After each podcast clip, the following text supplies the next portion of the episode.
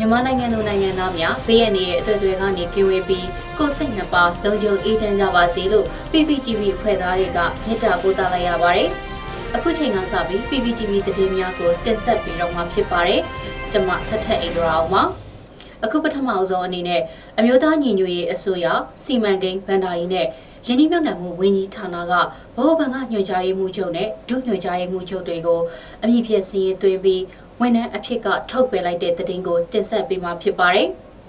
အကြမ်းဖက်ဖန်အာဏာဖီဆန်ရေးလှုပ်ရှားမှု CDM မှာပါဝင်နေတဲ့နိုင်ငံဝန်ထမ်းသူရဲကောင်းတွေကိုဖိနှိပ်ခဲ့တဲ့မြန်မာနိုင်ငံတော်ဗဟိုဘဏ်ကညွှန်ကြားရေးမှူးချုပ်နဲ့ဒုညွှန်ကြားရေးမှူးချုပ်တွေကိုအမည်ပြစည်ရင်သွင်းပြီးဝန်ထမ်းအဖြစ်ကနေထုတ်ပယ်ပြစ်လိုက်တယ်လို့အမျိုးသားညီညွတ်ရေးအစိုးရစီမံကိန်းဗန်နာရေးနဲ့ရင်းနှီးမြှုပ်နှံမှုဝန်ကြီးဌာနက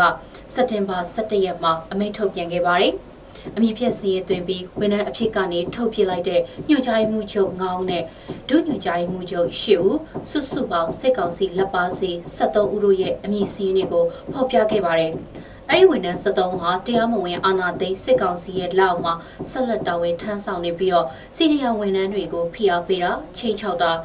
ယာရုကထုတ်ပေးတာဝန်ထမ်းအဖြစ်ကထုတ်ပေးတာ တရားစွဲဆိုတာစတဲ့အမျိုးမျိုးသောဖိနှိပ်မှုတွေကိုကျူးလွန်နေလို့အမြင့်ဖြတ်စည်ရင်တွင်းလိုက်ပြီးဝန်ထမ်းအဖြစ်ကနေထုတ်ပြစ်လိုက်တာလို့ဆိုပါတယ်။အမျိုးသားညီညွတ်ရေးအစိုးရအနေနဲ့အကြမ်းဖက်အာဏာဖီဆန်ရေးလှုပ်ရှားမှုစီရီယံမှာပါဝင်ခဲ့ကြတဲ့နိုင်ငံဝန်ထမ်းသူရဲကောင်းတွေရဲ့လူမှုဖူလုံရေးလုံခြုံဘေးကင်းရေးနဲ့ ဖိအားကင်းစီတို့အတွက်အလေးထားဆောင်ရွက်လျက်ရှိတယ်လို့လည်းအသိပေးထားပါတယ်။အမျိုးသားညီညွတ်ရေးအစိုးရရဲ့တခြားသောဝန်ကြီးဌာနတွေအနေနဲ့လည်းစီရီယံဝန်ထမ်းတွေကိုဖိနှိပ်နေတဲ့အာဏာသိမ်းစစ်ကောင်စီလက်အောက်မှာဆက်လက်တာဝန်ထမ်းဆောင်နေတဲ့ဝန်ထမ်းတွေကိုအခုလိုပဲအမည်ပြစင်ရင်သွင်းပြီးထုတ်ပေးတာအမည်ပြစင်ရင်သွင်းပြီးတော့ပြင်းထန်စွာတတိပေးတာတွေကိုပြုလုပ်ခဲ့ပါတယ်။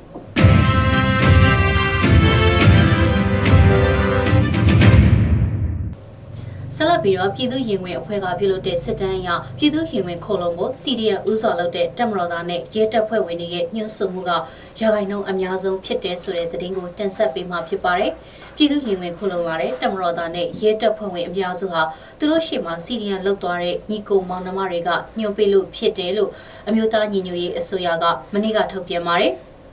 ဒီလောက်မှာပြည်သူရင်ခွင်အဖွဲ့ကိုဆက်သွယ်လာကြတဲ့တပ်မတော်သားနဲ့ရဲတပ်ဖွဲ့ဝင်400ခန့်ကိုဘယ်ကအဆက်အသွယ်ဆက်ရတယ်လဲလို့မေးကြည့်ရမှာ32ဒသမ900ခိုင်နှုန်းကရှေ့ကစီဒီယန်လောက်သွားတဲ့ညီကုံမောင်နှမတွေကညှို့ပေးလို့ဖြစ်တယ်လို့ဖြေဆိုပါရယ်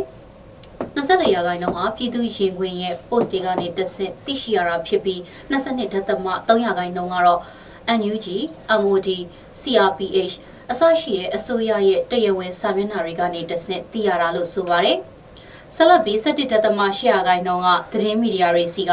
4တသမ600ခိုင်နှုန်းကတခြားက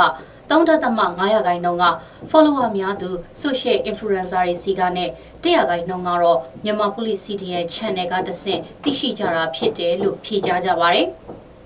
ဒါကြောင့် CDN လောက်ထားသူတက်နဲ့ရဲကထွက်လာပြီးသူတွေအနေနဲ့လုံခြုံအောင်မှရှိနေကြရင်အထဲမှာကြံတဲ့သူတွေကိုလက်တို့နှိုးဆော်ပေးဖို့နဲ့ကြံတဲ့သူတွေလည်းမိမိတို့နီးစပ်ရာကနေပြည်သူရင်ဝင်ခုလုံခြင်းသူတွေကိုကူညီပေးတဲ့အဖွဲ့အစည်းတွေရှိနေရဆိုတာသိရှိနိုင်အောင်ပြည်သူရင်ဝင် Facebook စာမျက်နှာက post တွေကို share ပေးကြဖို့အမျိုးသားညီညွတ်ရေးအစိုးရကထုတ်ပြန်ထားပါတယ်။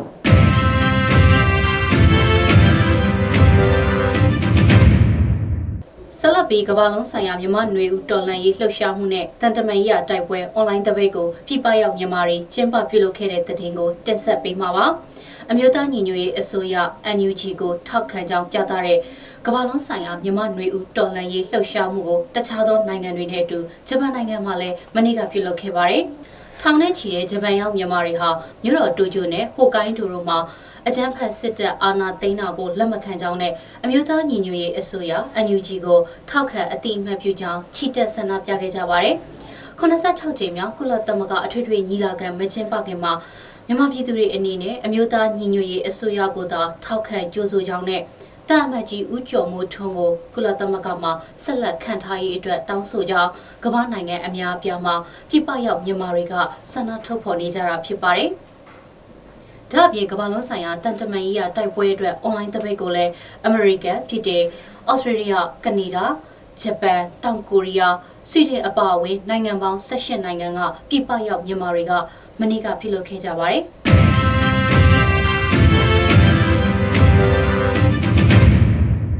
အခုနောက်ဆုံးအနေနဲ့မြန်မာနိုင်ငံအနှံ့နေ့စဉ်ရက်ဆက်ဖြစ်ပွားနေတဲ့ပြည်သူလူထုရဲ့အကြမ်းဖက်စစ်ကောင်စီကိုစန့်ကျင်ပြီး NUG ကိုထောက်ခံကြောင်းဆန္ဒထုတ်ဖော်မှုသတင်းတွေကိုစုစည်းတင်ဆက်ပေးမှာဖြစ်ပါတယ်။အကြမ်းဖက်စစ်ကောင်စီရဲ့လက်နက်ပြချိန်ချောက်အာဏာလုယူမှုကိုလက်မခံကြတဲ့ပြည်သူလူထုဟာသူတို့ရဲ့သဘောဆန္ဒတွေကိုအသက်ကိုပဓာနာမထားဘဲ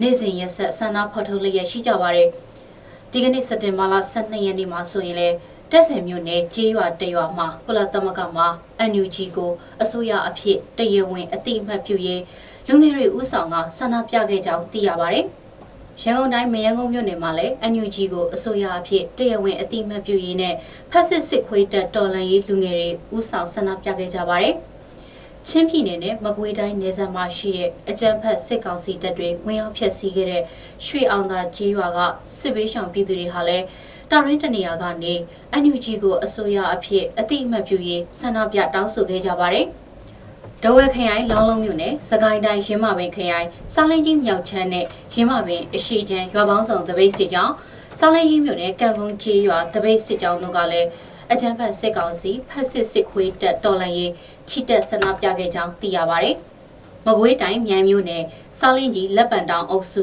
တောချောင်းရွာ တနင်္သာရီတိုင်းတရေချောင်းမြို့နယ်တို့မှာရှိကြတဲ့ပြည်သူတွေကလည်းအမျိုးသားညီညွတ်ရေးအစိုးရ NUG ကကြေညာထားတဲ့ခုခံတော်လှန်စစ်မှာပြည်သူတွေအနေနဲ့ကြာရနေရာကနေပူပေါင်းပါဝင်ကြဖို့ယနေ့ချီတက်ဆန္ဒပြပြီးတော့နှိုးဆော်ခဲ့ကြပါတယ်။စကိုင်းတိုင်းမုံရွာခရိုင်ဘုတလင်မြို့နယ်မှာဒီကနေ့စက်တင်ဘာ12ရက်နေ့မှာ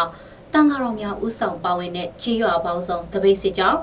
ဖက်စစ်စစ်ကောင်စီတော်လှန်ရေးချီတက်ဆန္ဒပြခဲ့ကြပါတယ်။သခိုင်းတိုင်းရင်းမပင်မြို့နယ်ပောက်ပန်းပြူကြီးရွာမှာရှိတဲ့ကျောင်းသားပြည်သူများဟာလည်း